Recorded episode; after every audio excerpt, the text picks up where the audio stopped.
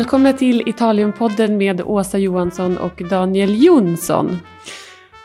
And today I'm at Poggerino in Radda in Chianti um, with Piero Lanza. Welcome to Italienpodden, Piero.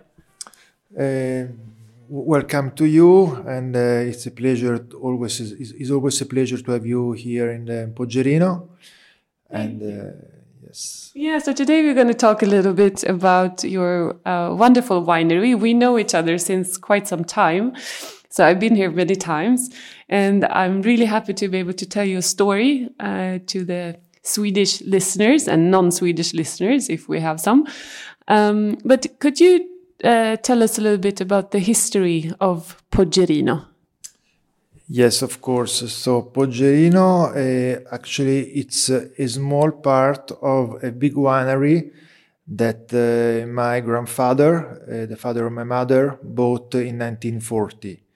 In 1940, uh, he bought this huge piece of land with many, many houses.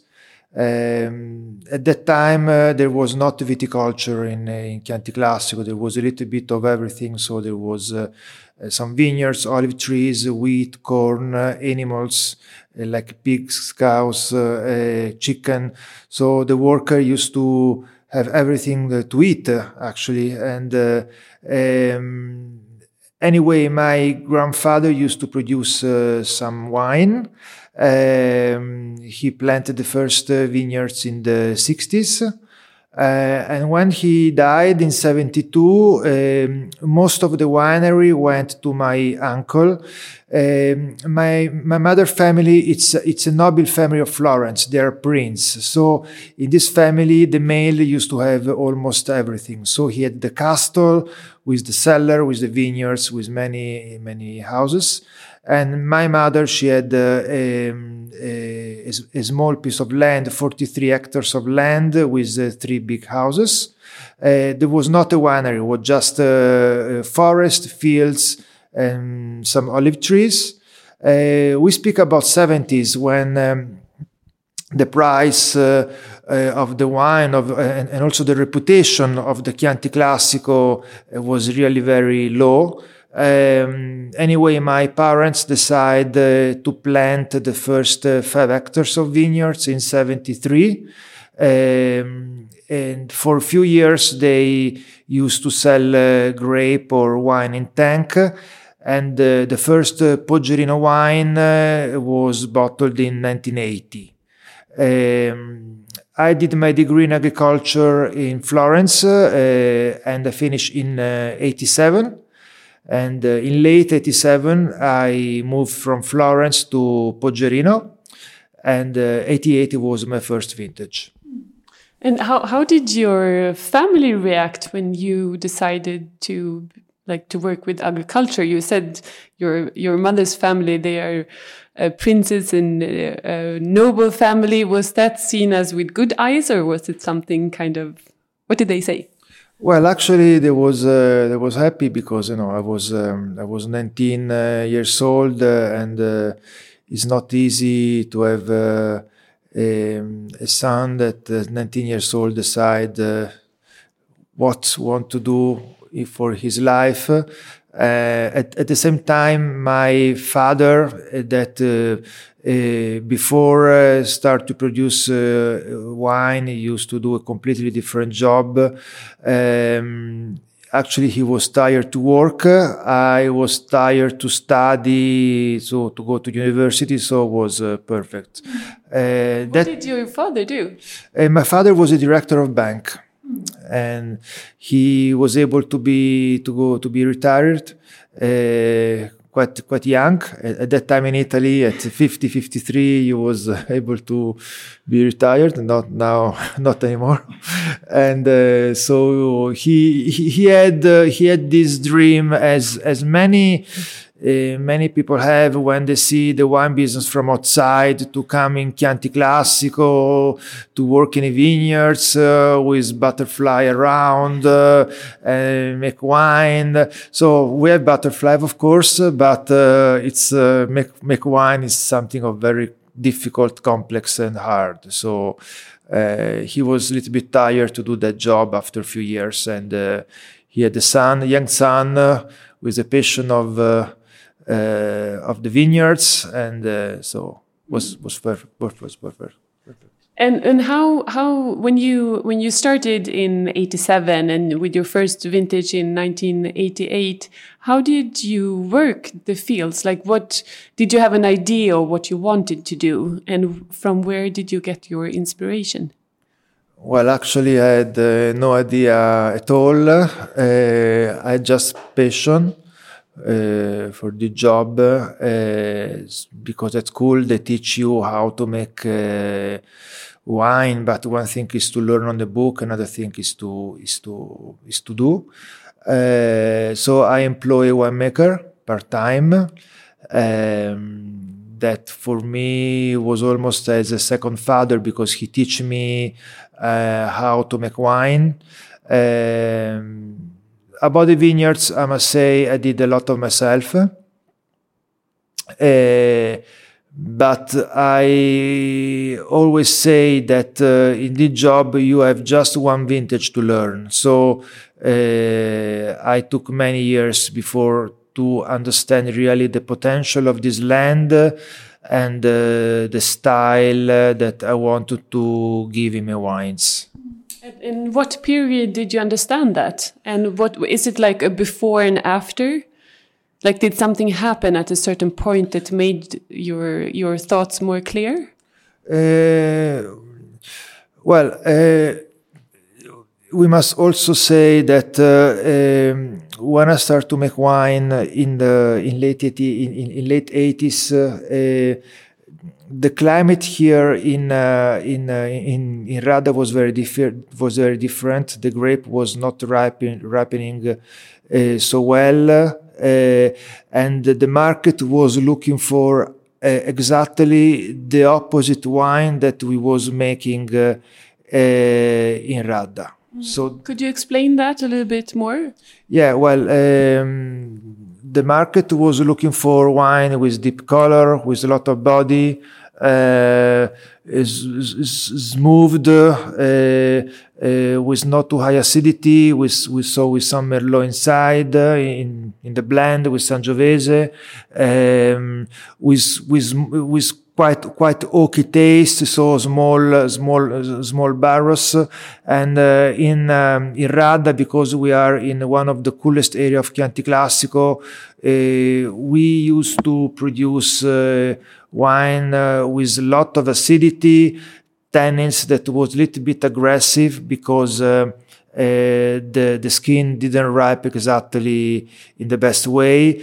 Um, I remember the first vintage I used to do for me was difficult to get the minimum amount of sugar in uh, the grape. Uh, um, then uh, with the, with the, this global uh, uh, warming of the climate, um, Radda is become is is become one of the best area to produce uh, uh, Sangiovese uh, because now we still produce wine with high acidity, with uh, but the tannins are much softer because the grape ripe much better.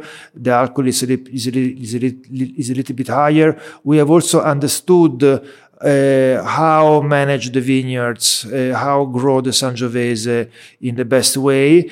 And at the same time, the market is changed completely. So the market is looking for now wines that are easy and complex at the same time. Are wines that uh, a couple in in, uh, in a restaurant can easily finish one bottle. So wine that bring you drinking. Uh, so it is the identikit of the of what the market is looking for is exactly what we produce in Radda. So I uh, I have understood really um, uh, what's the style I want to do in my wines. Uh, I, I, can say after the the year 2000, that was my really change. Mm. Was uh, was um, when did you see the like the climate? When did you understand that it's it it was really changing? Because i know you have a diary that you write in almost every day right? So you can go back yeah. and take a look what happened uh, in the past. Yes from the from the from the 2000s There was a, there was a big uh, there was a big changing. So if I if I put together um, this vintage, of course, we had in these years vintage uh, with a lot of rain, very cool uh, as uh, 2014. Uh, but uh, if I put together all the vintage, uh, the, the, the idea is that we have less and less rain and more and more hot weather. In fact, I had to change a lot of strategy in the vineyards the way I used to I, used to manage the vineyards in the 90s is completely different uh, how I manage the vineyards uh, now. Mm, and how do you? Because if you, when you're here in at at uh, Poggerino, Poggerino means also the small hilltop, right? Yeah, yeah. And your your your fields are just beautiful. Like they're much more uh, tidy and well kept than the flowers in my garden. That is quite bad, actually. Um, but how did you change the work if you compare like the 90s to what you do now um, in in growing system? Um, how, what do you say?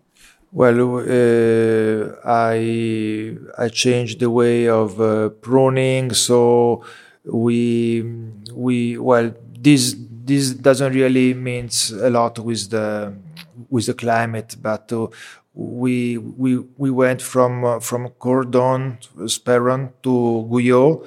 This is um, to stress less the vines during uh, with the cut that we do during the winter time and it's a way to increase uh, the life of the plant um, but the big the the big change we did uh, was on the canopy so uh, I don't uh, I don't cut the canopy anymore.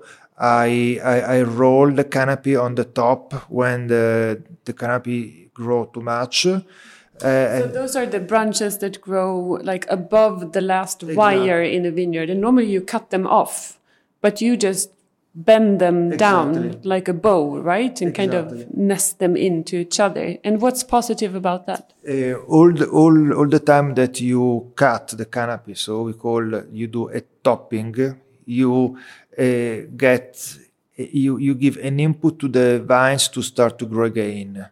So because we have less and less water in the ground, the plant has this input to start to grow again and uh, lose water so lose energy. Uh, so when you you roll, uh, it's, uh, it's it's it's it's it's it's more natural approach uh, uh, to manage the vines. So the vines uh, grow how much they want and then stop growing, and they are less stressed and they become they are more focused to ripe the grape.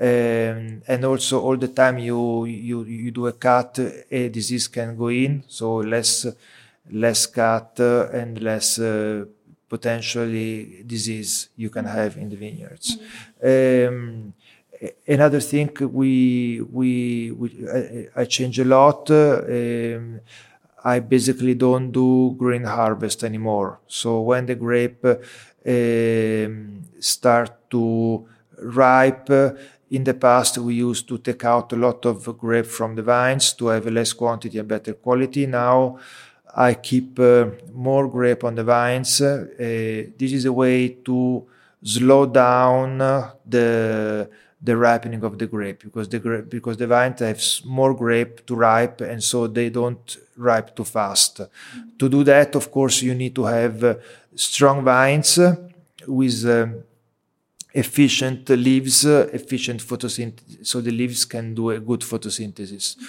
So to get the, to get this, we we can we, we have we have to go back. Uh, uh, how I manage the the ground. Uh, we are certified organic since more than 15 years, and the organic agriculture in a medium long time uh, help to have vineyards with that are stronger and better reactive to this uh, extreme climate condition that we more and more have. Mm-hmm. So with with organic agriculture, we can. Uh, I'm I'm sure we can produce a little more grape with better quality. Mm-hmm. Uh, this takes take time, of course. Is not is, is not enough to do organic agriculture for two years and then take take time, but uh, it's it's it's a it's a good way. Mm. And and we are in Chianti Classico, so the region between uh, Florence and Siena, and Radda is kind of the wild part of um, of Chianti Classico, and and the main grape variety is Sangiovese. And if Sangiovese was a person, how would it be according to you? Sangiovese, sorry, was it? And if Sangiovese was a person, how would it be? A person, how? Oh dear. Um, um, uh, I don't know. Uh, it was uh, it was someone that uh, is very um, intelligent, but uh, uh, very difficult to, to understand. so you still have to understand every year what to do with your Sangiovese. Yeah, well, uh, in uh, in our job, you you never stop uh, learning. I, I, I, I say say before. I I, I always I, I will do do the, this example between our job, so a job of the winemaker and a job of, of a chef. A chef that create create a dish can do the same dish uh, in one month 50 times and at the end uh, uh, get the right dish. We have just one vintage and uh, to, to understand if we did good things or wrong things. And, uh, and we have to work also with the weather that uh, change every, every year. Um, but this is uh, what I like of Sangiovese is that Sangiovese it's uh, a great variety, but very sensitive to the climate and ground condition. Uh, so, the, to, so, so to the, to the terroir where, where it grows and also is very sensitive uh, how you work in the vineyards. Uh, with Merlot Cabernet, everything is much uh, is much easier. But uh, the best uh, wines you make where the variety have almost difficult to ripe. Uh, or anyway, it's sensitive to this difference in climate and in ground. So um, we have 20 different clones of Sangiovese in Poggerino because I believe that uh, each clone gives something of different in the final blend. Um, but it is uh, it is it is difficult, yes. Uh, but now uh, us as uh, a lot of producers also here in Radda, we have quite well understood how we have to manage this variety. And of course, this new selection, the clone selection they did in the last uh, 20 years, help us also to, when we plant, to have good uh, quality grape. Mm. And uh, also, the rootstocks are important. What do you think about that? Because I know a couple of years ago you planted a new vineyard, and mm. how did you choose uh, the rootstocks? Uh, we have in Poggerino a lot of rocks. It's a super rocky ground. When we when we dig uh, the ground before to plant the vineyards, uh, sometimes we have just uh, 80 centimeter of, of really ground, and then we have rocks, rocks, rocks. So, it must have been terrible to be a farmer here in the past. Yeah, uh, they used to use a bomb to break the code. Uh, so, so, so, they used to lose fingers or something. But uh, or, or, or just you, if you see some vineyards of 70s, there are a huge amount of rocks in the middle of the vineyards. They was not able to take, take out, take away. Um, but uh, for this reason, I use rootstock that uh, the the roots of this rootstock go very deep so they some they they are able in the years to break these rocks and get the the, nut, the nutrients under the uh, under the rocks. So in fact, the old vineyards are the vineyards that are the best. Uh, well, the, the grape produce in the best way because they are not sensitive to the hydric stress or to or too much rain. Mm-hmm. So I, I use Paulsen 1103 mm-hmm. is called uh, that is quite vigor uh, rootstock but I, I, don't care about the vigor because the vigor is something that I can control in the vineyards. Uh, if the vineyard is, is, is, too much vigor with grassing, for example. Mm. So. And what, how do you see the next 10 years? What are your thoughts about the next 10 years here in Radda? Well, I I think, uh, as I was saying before, we have uh, we have uh, an, an, an advantage uh, comparing with other areas uh, of um, of Chianti Classico that are lower, dry, drier, warmer. In, in Radda, 87% of the land is forest, so the forest produce oxygen during the night and help to cool down the temperature. So, especially when the grapes start to ripe from the late July we, we have always cool nights. So I don't care about, a lot about uh, the the global warming uh, that we are having. Uh, water can be rain can be a problem in the future for us as for everybody. Uh, I I already am am doing some different strategy on the ground. For example, we do cover crop in the ground, and uh, in the past we used to cut the cover crop and uh, mix in the ground. Now we don't mix anymore. We live on the ground. So uh, I think then the the future is is get a strategy do strategy to keep the ground cover. Mm-hmm. Because if the ground is covered with grass, uh, but grass that is not uh, doesn't do competition with the roots of the vines, so special kind of cover crop. Uh, if if the ground is covered, you lose less water. So the goal is try to to lose less water as possible. We have actually a huge lake here in Poggerino. We are we are one of the few winery that uh, where we could uh, in the future, maybe in the future, you, you never say never, we, we could irrigate. Uh, at the moment, I don't uh, need uh, also vintage like 2017 that was dry, very long, hot and very long. Uh, dry time, we didn't need to irrigate. Oh, that's, so yeah, that's that's good. And how is a day at Poggerino, like a regular day in your life? Uh, what do you eat for breakfast, Piero? It it's uh, it depends uh, which time of the year is, uh, but uh, winter time. Well, for breakfast I never eat.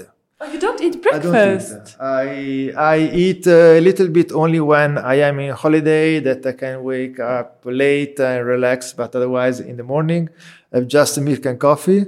Uh, winter time, uh, wake up around uh, six thirty, a quarter to seven um, usually from uh, from uh, uh, January until uh, March, we are super busy uh, in the cellar. To um, I, I, am super busy in the cellar to organize for the bottling of the new of, of, of the vintage uh, of the two years before uh, we are in 2022. I, we bottled the 2020 uh, in, in, these three last three months. Um, I have a team of people that work for me, uh, and they are busy in the vineyards pruning. I, when I have time, I, I prune with them, but uh, difficult to have a lot of time to do that. But the job I more prefer is working in vineyards. Um, and now from uh, from from next week uh, the the growing season start so we will uh, we will be very busy in the vineyards uh, and uh, maybe wake up six o'clock um, so there and and uh, email arrive so I've I've have a guy in the office John that care the office so I have every day I have a meeting with him about the email that are arrive uh, so how we have to answer to answer to the, the, clients that write. We we work a lot with US, so the mail arrive during the night, and we uh, we, we we find the mail in the morning. Um, but you eat for lunch, right? I eat for lunch, uh, not too much, and then uh, when I go home uh, from uh, five six p.m. it depends.